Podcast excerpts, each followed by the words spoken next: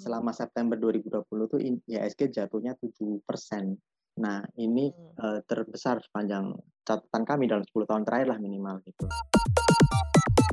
Nah, mereka itu membuat penelitian dari tahun 1945 memang ternyata kalau di rata-rata setiap bulan Januari sampai Desember itu saat masing-masing itu di rata-rata ternyata yang paling apes itu bulan September gitu. Kalau mindset gue malahan gue berpikir ya setiap September tuh gue malah belanja, gue malah banyakin porto portofolio. Biasanya gitu. Koneksi. Konten ekonomi seksi. Hai Sobat Cuan, apa kabar? Selamat hari Rabu, hari Rabu yang selalu seru ya. Balik lagi di podcast Shop Shop Cuan di koneksi konten ekonomi seksi. seksi dong, apalagi ada Exis Nexus di sini, Anchor CNBC Indonesia. Ah. Dan juga ada Head of Research CNBC Indonesia juga Mas Arief Gunawan. Mas Arief ya, Gunawan. Hai Mas. September, ya. September. Hari ini kita mau bahas mengenai uh, bulan September. Ini mengingatkan gue dengan lagu Green Day sebenarnya. Kalau yang kalau yang bulan ini jadi curhat ya. Kalau yang bulan September ini kayak benar-benar deh wake, wake me up till September end gitu baru bangunin. kayak terlalu kayaknya September ceria mungkin bisa bisa terjadi kalau uh, kalau mungkin IHSG-nya tiba-tiba 6.500 yeah. Tapi wow. maksudnya yang terjadi sekarang tuh kayak bener-bener udah deh bangunin gue nanti deh setelah Septembernya selesai ya. Wake me up when September ends.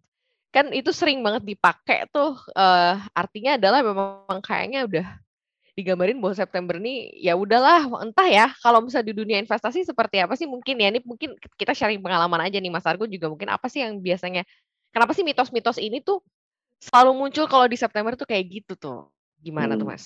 Ya memang ini terbukti sih secara statistik jadi ya tidak sepenuhnya mitos gitu ya. Mm-hmm. Jadi kalau CFRE itu kelompok kayak tim tanks gitulah peneliti di Amerika Serikat dan mereka gede juga yaitu juga akuisisi unit uh, risetnya S&P nah mereka itu membuat penelitian dari tahun 1945 memang ternyata kalau di rata-rata setiap bulan Januari sampai Desember itu saat masing-masing itu di rata-rata ternyata yang paling apes itu bulan September gitu.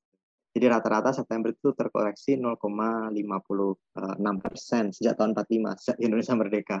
Sementara yang lain tuh ada yang rally ada yang koreksi tapi nggak segede uh, uh, bulan September gitu. Makanya mereka menunjukkan bahwa memang ada pola bahwa memang pada bulan September itu orang-orang kebanyakan pilih uh, lepas dulu uh, kepemilikan mereka di bursa saham khususnya itu hmm, di Indonesia Mungkin juga secara, secara psikologis apa orang di akhir tahun tuh kecenderungannya kayak gitu kali ya? Kayak save money dulu gitu.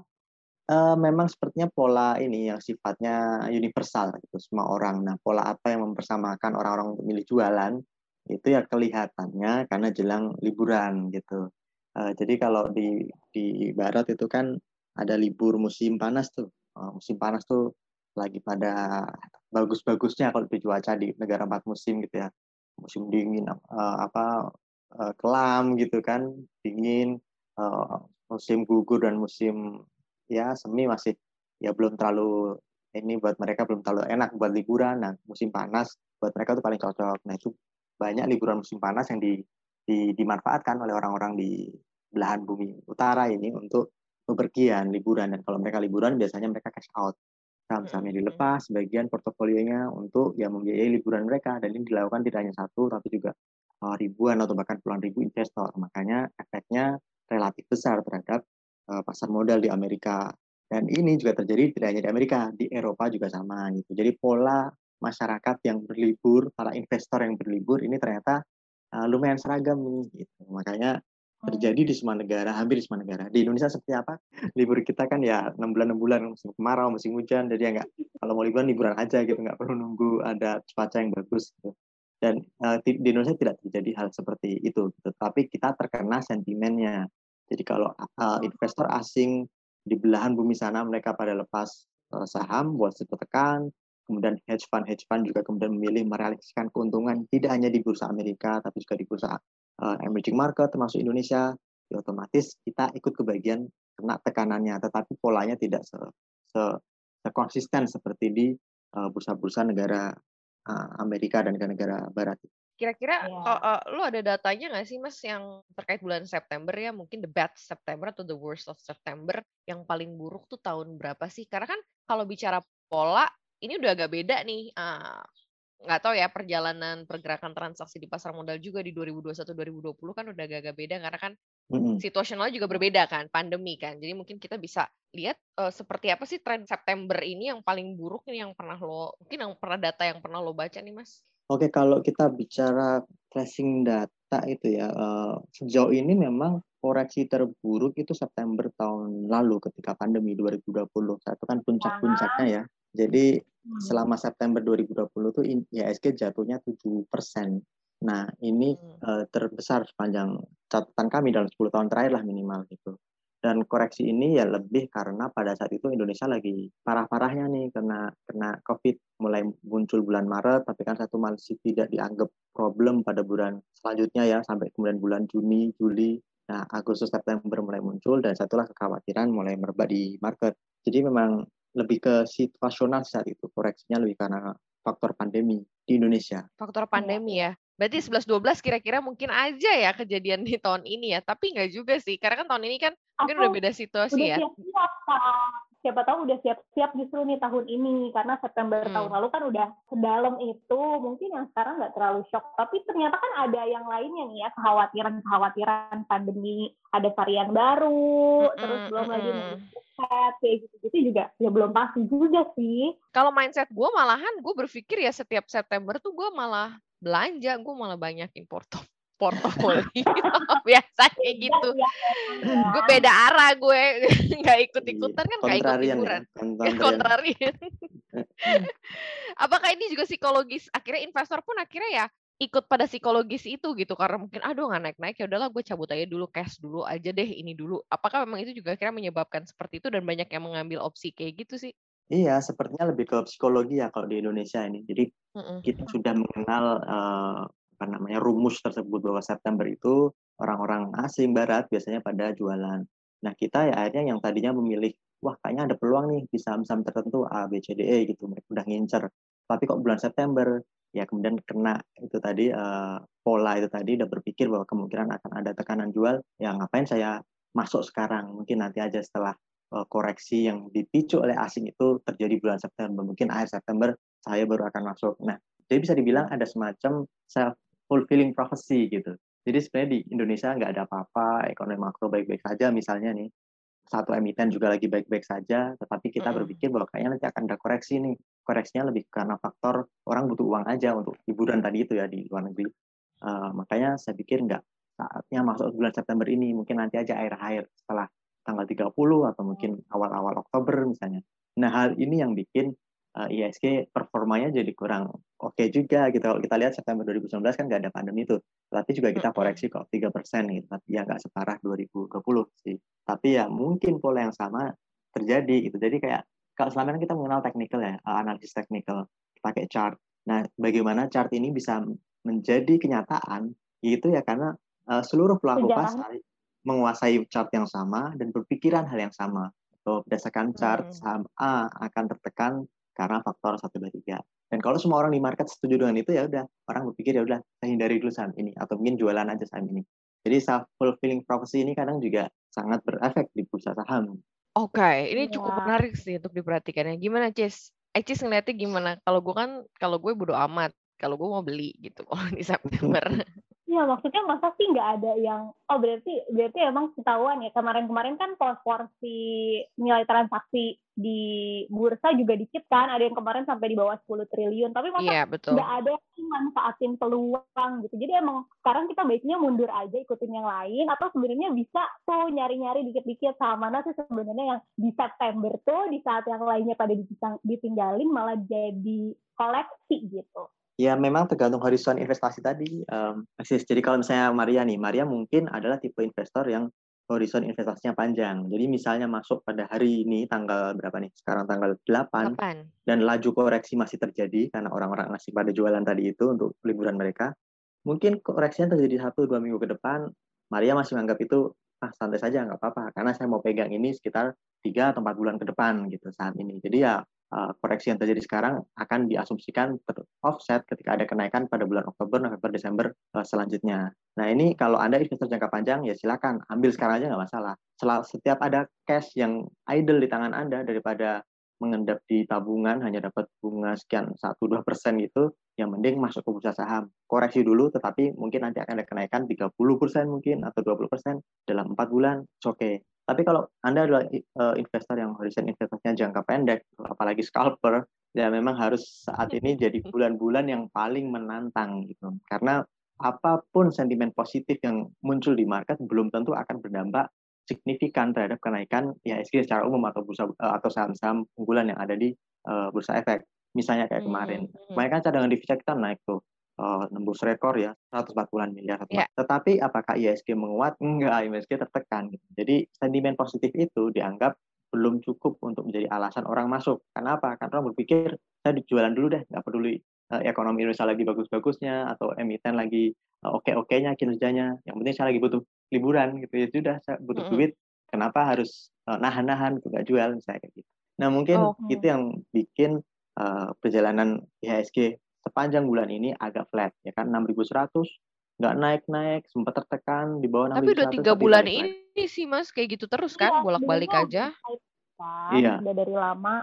Mm -hmm, betul. Tahanannya Jadi, tuh kayaknya 6.100, 6.000, ntar ya di, di bawah 6.000 dikit, naik lagi 6.100. Maksudnya nggak nggak benar-benar terkonfirmasi uh, bullish gitu ya. Maksudnya kan bullish-bullish naik-naik-naik terus tuh hmm. enggak di di tiga bulan ini ya begitu aja. Berarti kan sebenarnya tren yang terjadi di September ini mengcopy mengcopy yang kemarin-kemarin apa akan jauh lebih buruk lagi sebenarnya yang bisa saja terjadi nih di September ini?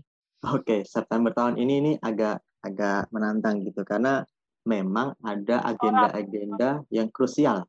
Mm -hmm. Misalnya di Amerika Serikat itu kan ada tuh rilis tingkat pengangguran bulan Agustus. Nah, itu akan dirilis pada Jumat nanti.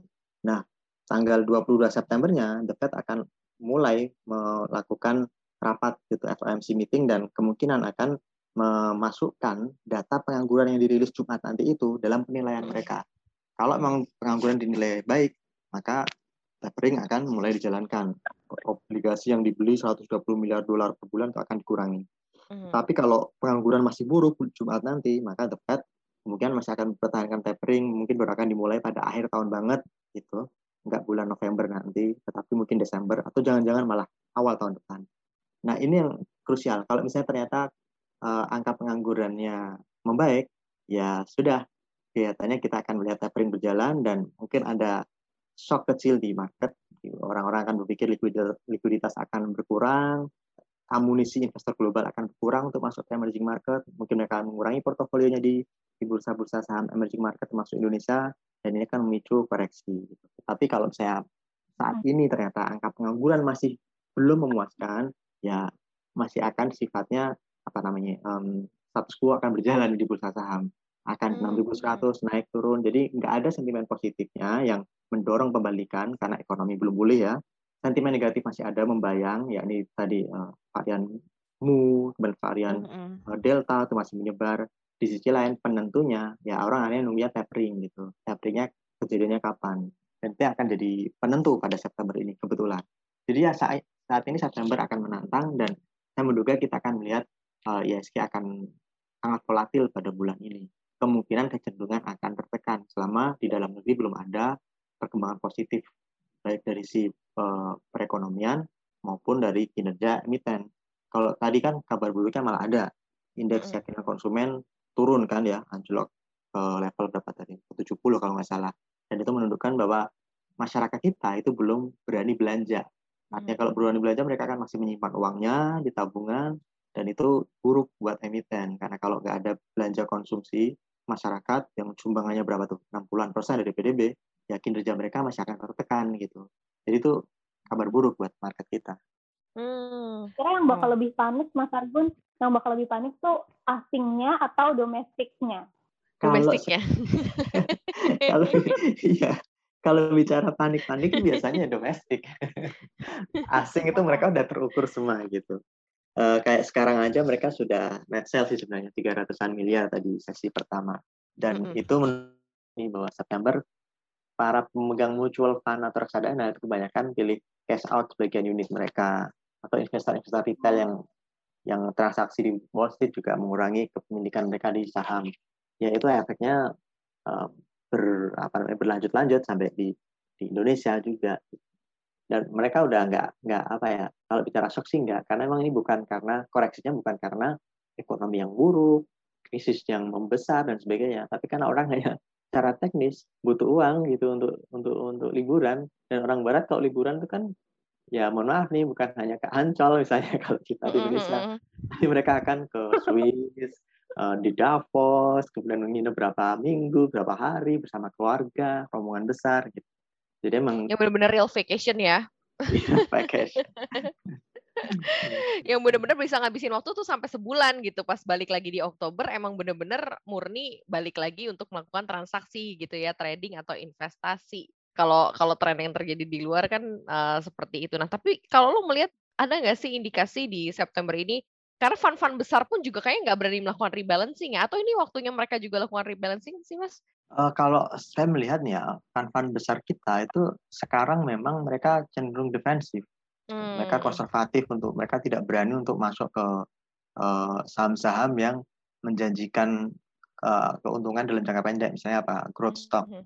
Growth stock ini kalau di Indonesia ini kan saham-saham kayak uh, kemarin itu komoditas ya, Antam yang katanya ada sentimen mobil listrik atau saham-saham yang berbasis kemajuan digitalisasi e-commerce maupun uh, bank digital.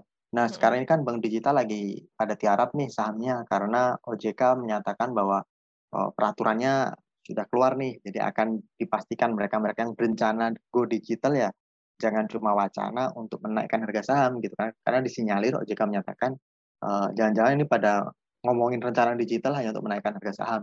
Makanya investor mulai tadi mengurangi kepemilikan di saham-saham yang uh, berbasis pertumbuhan ini.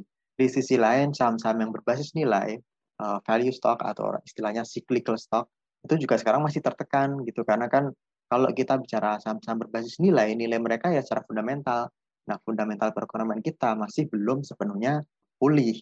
Jadi ya kalau bertaruh terlalu besar ke saham-saham value stock juga uh, dilematis gitu. Jadi antara growth stock sekarang juga lagi tertekan value stock juga belum ada katalis positif. Jadi mereka memilih ya memang sekarang hold dulu di beberapa saham yang sifatnya unggulan blue chips. Tapi mereka tidak berani masuk ke yang uh, kecil-kecil itu. Sekarang ini yang banyak masuk kecil kecil ke kayak bank digital tadi itu itu kan uh, kebanyakan retail. Iya. Yang kecil-kecil kan yang mencari cuan dalam jumlah besar dalam waktu singkat ya iya. tapi memang itu sih mungkin karena uh, nggak tahu ya apakah tren itu akan terjadinya seperti itu gitu? Maksudnya di di September ini akan lebih banyak laku yang kecil-kecil karena retail akan lebih larinya ke sana. Atau seperti apa nih yang biasanya Mas jadi sektor atau mungkin jadi saham-saham yang cukup ya bisa dikoleksi gitu. Kalau gue jujur aja kalau gue termasuk yang ya kalau udah diskon murah gitu gue beli sih dan gue nggak peduli gitu. Nggak nggak peduli harganya. Haka haka haka aja. Karena kan udah diskon kan. Nah tapi nggak tahu nih uh, tren yang terjadi karena selama gue memanfaatkan momen di September tuh nggak pernah zong. Maksudnya selalu ada keuntungan after after September ya. Hmm. Jadi nggak emang nggak pernah zong apa yang gue gue lakukan di tren investasi atau gaya berinvestasinya ya cocok lah gitu. Nah tapi hmm. nggak tahu nih apa yang apa yang terjadi di uh, keseluruhan gitu. Apakah kemudian akhirnya retail memang akan mengincar yang lebih kecil-kecil sahamnya mungkin second liner, third liner mungkin malah lebih banyak dipilih.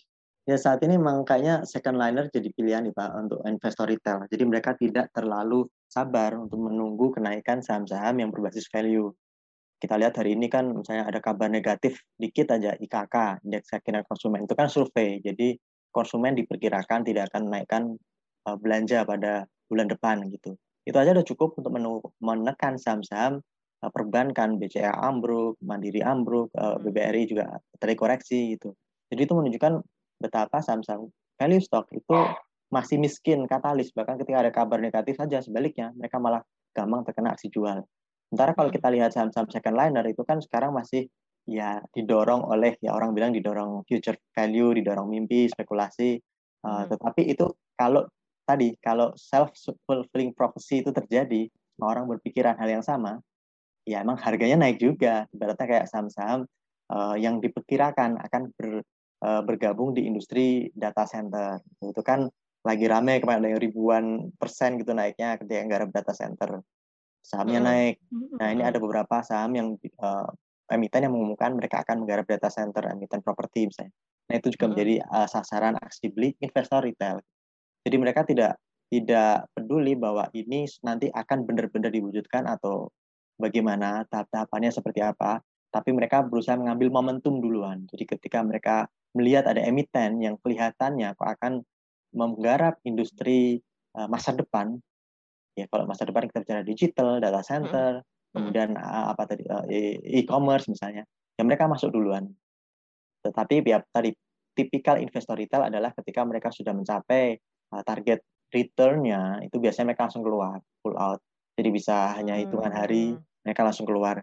Ya, ini membuat pergerakan IHSG tidak stabil, apalagi saham-saham yang uh, growth stock tadi itu yang digital dan kawan-kawan itu kan juga ya, ya mohon maaf masih di, ditopang kenaikannya ditopang oleh spekulasi itu tadi. Jadi kalau spekulasinya belum terkonfirmasi, ya orang masih belum betah untuk masuk ke sana. Hedge fund hedge fund besar tidak akan memasukkan dananya untuk disimpan satu atau dua tahun di saham tersebut gitu. Hmm. Aset lain juga kayak gitu ya? Gimana sih? Berarti balik ke investornya masing-masing ya, berani apa enggak tuh kalau mau main yang di kecil-kecil sambil manfaatin momentum bulan Septembernya. Karena kan pada pergi yang dari bisnisnya mungkin kalau mau milih mm -hmm. yang cash ya nggak apa-apa juga, cuma harus mainnya cepat berarti kan, karena kan emang spekulasi. Mm -hmm aset lain juga kayak gitu mas maksudnya apakah saham kan kalau saham kan lagi nggak oke okay lah bukan pamornya gitu tapi mungkin ada pengalihan portofolio aset nggak sih masuk ke lebih ke surat berharga atau mungkin jadi beli aset lindung nilai gitu atau mungkin ya karena cuma sebulan jadi ya udahlah bener-bener cash is the king gitu untuk oh, untuk bulan September. Ya, kalau kita bicara di Amerika Serikat nih di Wall Street, ketika awal pekan ini Selasa kemarin ada koreksi di Wall Street, ternyata obligasi di sana yieldnya juga uh, naik. Nah kalau yield naik berarti harganya turun. Harga turun kan berarti ada tekanan jual yang lebih besar gitu. Yes. Uh, dan ini bisa dibilang indikator bahwa para investor memang sedang memilih cash, megang cash mereka. Kalau di kondisi normal, ketika investor jualan di Wall Street di bursa saham, mereka akan menggunakan dananya untuk masuk ke obligasi gitu. Hmm. Jadi ketika saham uh, tertekan, biasanya harga obligasi naik, orang-orang pada beli obligasi. Sebaiknya ketika ekonomi diperkirakan membaik, orang-orang jualan obligasi karena kan keuntungannya nggak seberapa gitu ya dalam tanda kutip, kemudian hmm. dialihkan ke bursa saham yang menjanjikan keuntungan lebih tinggi. Jadi ketika awal kemarin, awal pekan ini ya, Wall Street ternyata menunjukkan bahwa investor asing itu cenderung jualan di mana pun. Di saham jualan, di obligasi jualan. Semua aset uh, begitu berarti ya? Iya, kecuali beberapa kripto. Kalau kripto kan kita lihat kripto ada beberapa enggak. berita uh, yang naiknya gila-gilaan gitu. Eh, jangan-jangan iya lari ke situ ya pilihannya. Kalau para investor milenial jangan-jangan ke situ. Akses ini juga kan termasuk investor milenial nih. iya dia. nah, Tapi tadi aku cek down juga kripto. Kemarin dia udah sempat naik tinggi, terus sekarang udah lagi crash lagi sih, nggak sampai crash, cuma turunnya lumayan jauh juga. Jadi udah saham turun, kripto turun, udahlah tutup mata aja gitu. Bobo aja. Bangun lagi setelah September. Eh tapi Kamaria aku penasaran tuh kalau Kamaria selama ini kayak strateginya September justru jadi belanja, terus dapet cuannya tuh langsung di Agustusnya atau butuh berapa bulan gitu? Ah, jadi pengalaman gue nih. Oh, ini Enggak, gini. Enggak, soalnya gini, kadang kadang mm, kadang gini loh Mas, kan karena terlalu tercipta mitos, uh, misal kayak bukan mitos ya, tercipta uh, pattern yang sama gitu setiap berulang-ulang, orang-orang kadang-kadang nggak sadar gitu bahwa memang akhirnya mereka melakukan uh, aksi jual atau mungkin akhirnya nggak pegang barang segala macam. Nah, ketika gue lakukan itu ya kayak almost 3 4 tahunan terakhir itu kadang belum sampai September selesai aja sahamnya juga ikut naik. Ya tergantung sahamnya sih gitu. sebenarnya ya. Jadi tergantung sahamnya. Memang saham yang udah gue perhatiin dari bulan sebelum September, yang gue beli di September awal gitu ya, September akhir belum selesai aja kadang-kadang sahamnya juga udah naik gitu. Nggak tahu itu faktor apa ya? Mungkin ada faktor luck-nya juga gitu. Maria ada ada faktor-faktor tertentu. Tapi kadang ya kalau dibilang oh iya nih Maria mungkin ngambilnya eh, blue chip atau ngambilnya eh, yang memang udah pasti naik. Enggak juga. Second liner tadi gue termasuk partnya di situ juga. Sama kok kita. Iya, Nggak berani apa enggaknya ya. ya gitu. Jadi jadi lebih kayak gitu sih. Mungkin ya karena gue coba untuk breaking the trend. Maksudnya kayak nggak nggak nggak ikut dan nggak follow the trend. Itu ternyata cukup bisa lumayan gitu. Nah kalau misalnya kita balik lagi nih ke kripto ya. Kalau kripto, maksudnya kalau kripto. Iya, enggak. Soalnya gue penasaran karena kan gue gue lupa loh ternyata ada kripto loh sekarang. Maksudnya apakah memang kemudian akhirnya opsi-opsi itu dipilih ya? Saking saking ini saking apa namanya up and down gitu mas beritanya jadi nggak inget. Oh ada ada aset kripto ya selain saham dan yang lain-lainnya. Ya, kripto memang akhirnya jadi spekulasi terbaik. Saya katakan spekulasi terbaik eh, karena memang dia tidak memiliki nilai fundamental saat ini. Dan yang membentuk kenaikan harga dia adalah kesepakatan bersama investor retail seluruh dunia, investornya kripto, bahwa ini akan menjadi mata uang masa depan gitu. Dan itulah yang menyebabkan ya karena nggak ada nilai fundamentalnya ya otomatis kita nggak bisa mengukur ini sudah kemahalan atau belum. Kemahalannya berdasarkan apa? Perhitungannya dari mana? Kan nggak nggak jelas. Seperti Bitcoin kok bisa 150 juta misalnya harganya atau seratusan juta per keping eh, itu masuk akal nggak? Ya kita jangan nanya seperti itu. Karena memang kalau ngomongin masuk akal kita harus mencari landasan masuk akal tidaknya berdasarkan apa. Lah landasan ini nggak ada. Jadi inilah yang bikin kripto ideal untuk para investor yang sedang menghadapi dilema memilih kelas aset di eh, investasi konvensional. Obligasi lagi ter- eh, tertekan ya kan.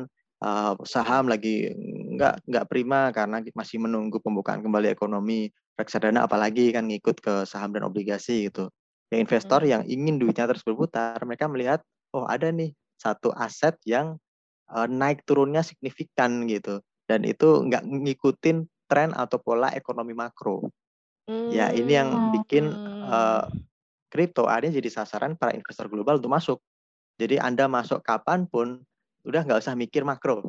Jadi makro ekonomi lagi jelek, lah Ethereum lagi naik kok 40% sebulan. Kemarin kan ada Nah. beritanya. Itu contohnya seperti itu. Kenapa Ethereum naik 40%? Ya jangan ditanya, jangan dicari jawabannya. Hanya rumput bergoyang yang tahu ibaratnya gitu. Bener. Ini hanya dibentuk, ini hanya dibentuk Karena oleh harganya udah kemurahan aja, harganya udah kemurahan. Jadi punya langsung nih dia punya. iya, jadi memang kenapa naiknya segitu 40%? Hmm. Justru gue telat masuk. Justru telat masuk tapi masih dapat kena untung 20%. Kan 40% naiknya masih kena. Iya. Dan, dan Lanjut, pilihannya lanjut, banyak Mas gitu kan. Berarti harusnya gimana nih? Eh, maksudnya di September ini menyikapinya seperti apa nih? Harus bukan harusnya ya. Karena itu pilihan investasi masing-masing sih Mas. Tapi mungkin ya gambarannya kayak gimana sih kita ngelihat eh, pattern yang terbentuk, kemudian pola yang kita jalani dan apa yang harus dilakukan di September gitu Mas. Ya kalau sobat cuan ya lagi susun strategi investasi bulan September di bursa saham ya, ya otomatis lagi-lagi sesuaikan dengan profil investasi Anda. Kalau tadi Anda tipikal investor yang berbasis value kayak Maria tadi, ya masuk sekarang pun nggak masalah gitu. Karena kan Anda tidak ngitung keuntungan satu dua hari atau mungkin tiga minggu ke depan gitu. Ya targetnya panjang dan biasanya investor yang seperti ini dia milih sahamnya bukan cap cip cup, bukan berdasarkan ada kabar A, B, C, D, E dari kanan kiri kemudian diikutin enggak. Tapi dia Mm-mm. tahu ada saham yang perusahaan baik dan harganya menurut dia memang lagi murah, hitung-hitungannya jelas, ada PI ratio, ada PBV-nya bisa ditentukan dan kalau emang masih murah masuk-masuk aja gitu kayak kemarin kan uh, Lo Keng Hong gitu ya uh, Warren Buffett-nya Indonesia dia Mm-mm. jualan nih saham MBSS dan dia udah ngincer saham-saham apa tuh ada listnya perkebunan misalnya uh, ada beberapa lah Iya. stok yang disebutkan dan dia nggak peduli kapan masuknya ya. Kalau sekarang udah saatnya masuk uh, harganya lagi lagi diskon uh, secara valuasi lagi murah ya dia masuk aja. Itu itu Mm-mm. kalau anda profil investasinya adalah uh, jangka panjang value investor. Tapi kalau anda investor jangka pendek yang trading for living ibaratnya targetnya adalah setiap hari minimal dapat 200 ribu gitu untuk uh, cuan gitu untuk untuk keuntungan ya memang sekarang harus ekstra hati-hati. Jangan berharap ada kenaikan 10% dalam sehari misalnya. Tetapi ya harus lebih konservatif. Ketika dapat 5% langsung take profit realisasikan keuntungan uh, cari saham lagi yang lain yang lagi tertekan tetapi uh, masih bisa didorong oleh spekulasi-spekulasi yang kuat dan berdasar. Misalnya tadi saham-saham e-commerce misalnya atau saham-saham berbasis data center atau saham-saham komoditas yang akan diuntungkan dari pemulihan ekonomi. Kan kemarin ada batu bara udah mulai naik harganya, kemudian harga minyak juga udah mulai membaik, ya mungkin pendek. Tapi itu uh, target keuntungan returnnya nggak bisa setinggi setinggi pada bulan-bulan sebelumnya gitu. Jadi harus gitu. lebih banyak bersyukur ya bulan ini. Iya. Selalu lega gitu kalau dengar eksis harus bersyukur. Kan udah dikasih untung dari Januari sampai Agustus gitu ya mungkin ya. 8 bulan ya, 9 bulan. Udah lah usah. Gak usah ngoyo-ngoyo. Bener banget Sobat Cuan itu tadi ya pesan pamungkasnya. Jangan muluk-muluk. Tetap selalu bersyukur gitu dan memanfaatkan momentum sih. Artinya kan karena ada yang turun pasti ada aset lain yang naik gitu kali kan. Ya, ini sebulan, masih ada bulan-bulan berikutnya, tenang aja. Oh, iya. masih sisa satu kuartal lagi ya, masih ada Oktober, November, Desember gitu untuk ngelihat nanti kayak gimana uh, investasi saham ke depannya. Kurang lebih begitu hmm. Sobat Cuan obrolan kita siang hari ini di Koneksi. Mudah-mudahan ini bisa kasih insight, kasih apa ya semangat juga mungkin yang ah aduh mau trading tapi kayak gini nih tiap hari ya mungkin di obrolan kita ini akhirnya bisa oh bisa ada masukan-masukan lah untuk para sobat cuan. Thank you Mas Argun, thank you juga Eksis. Sama, Sudah sama. bergabung siang hari ini kita ngobrol-ngobrol. Eksis kalau kita mau dengerin uh, cuan di mana ya Eksis ya?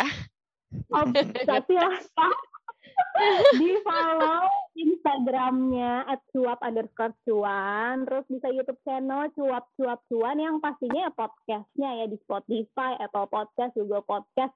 Cuap cuap cuan. Tadi kita ada yang masuk top episode tuh keren ya.